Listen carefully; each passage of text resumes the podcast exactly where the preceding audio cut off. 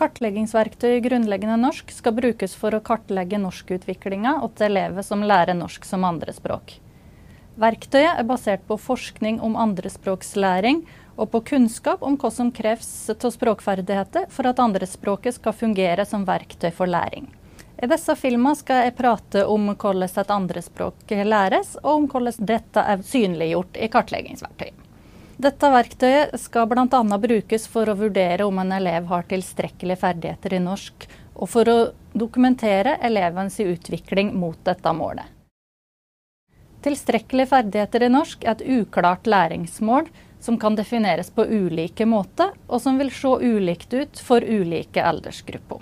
Verktøyet er basert på et språksyn der både form, innhold og bruk tillegges vekt innenfor kort av de fem områdene lesing, skriving, ordforråd, muntlig kommunikasjon og uttale. Form betyr at den kartlegger formelle trekk ved språket, f.eks. uttale, grammatikk og tekststrukturer. Når vi kartlegger språklig innhold, så blir oppmerksomheten retta mot semantikk, altså hva språket betyr, mens bruk handler om hvordan språket kan brukes adekvat i ulike kommunikative situasjoner. Tidligere så en på innfødtlig kompetanse som målet for opplæring i andre språk. Og andrespråkselevens språkutvikling ble sammenligna med språket til jevngamle elever med norsk som morsmål. Målet for andrespråkslæringa i dag er at elevene våre skal bli så gode i norsk at de kan bruke norsk som redskap for kommunikasjon, læring og utvikling. Og skal ha høye mål for andrespråkslæringa til elevene våre. Det betyr ikke at språket deres må være identisk med språket til norske elever men at det skal kunne fungere som redskap i kommunikasjon. Elevene må altså utvikle det som veiledningen til kartleggingsverktøyet omtaler som et funksjonelt språk. Dette med funksjonelt språk er kanskje særlig synlig i kategorien uttale. I Norge så har vi mange måter å prate norsk på. Jeg prater norsk på en måte som gir til kjenne at jeg kommer fra Gudbrandsdalen. Og om en elev prater norsk på en måte som tilkjennegir at han kommer fra Ukraina eller Somalia, så er det helt uproblematisk, så lenge uttalen er slik at vi forstår hverandre. Språk læres i interaksjon med andre. Når eleven lærer eller legger merke til noe nytt om norsk, så sier vi at en får input, og input er nødvendig for å lære språk. Elever som er mye i samspill med andre på norsk og har trygge sosiale omgivelser knytta til det nye språket, vil normalt få mye input. Vi lærer altså andrespråk når vi prøver det ut i hop med andre. Andrespråkslæring er slik en kreativ og skapende prosess. Og I disse prosessene vil eleven òg prøve ut antagelse om språket, norsk altså, som ikke viser seg å stemme. Dette vil i mange tilfeller resultere i språklige feil. F.eks. ved at en sier 'jeg blimte ut', eller 'jeg blima ut', eller 'jeg blidde med ut'. Slik utprøving viser at eleven har lagt merke til noe om språk. Her f.eks. at verba endrer seg i fortid, og sjøl om resultatet ikke blir korrekt norsk, ser en det som en dokumentasjon på at eleven er i en aktiv læringsprosess noe som er udelt positivt. Det at eleven prøver ut noe, betyr altså ikke at språket hans eh, blir korrekt norsk, men at det er noe ved språket som er lagt merke til. I kartleggingsverktøyet så finner du en del ferdighetsutsagn der en skal krysse tå for om eleven prøver ut noe. Hvis en elev prøver ut et ord eller et trekk, så betyr det at en har lagt merke til det og er i ferd med å finne ut hvordan det skal brukes. Mange elever har sjøl et syn på feil som noe negativt, og kan legge seg til vaner der de safer ved å bruke enkelt og korrekt språk, heller enn å utfordre seg sjøl på å ta i bruk trekk eller ord som de ikke er helt trygge på.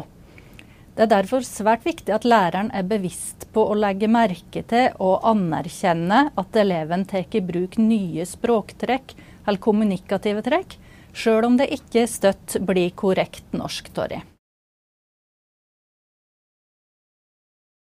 Resultatene fra kartleggingen oppsummeres i en elevprofil som viser hvor langt eleven har kommet på disse fem områdene. Det er ingen grunn til å forvente at eleven skal ha lik utvikling innenfor kort område. Språket utvikler seg i ulikt tempo på de ulike områdene. Noen elever vil f.eks.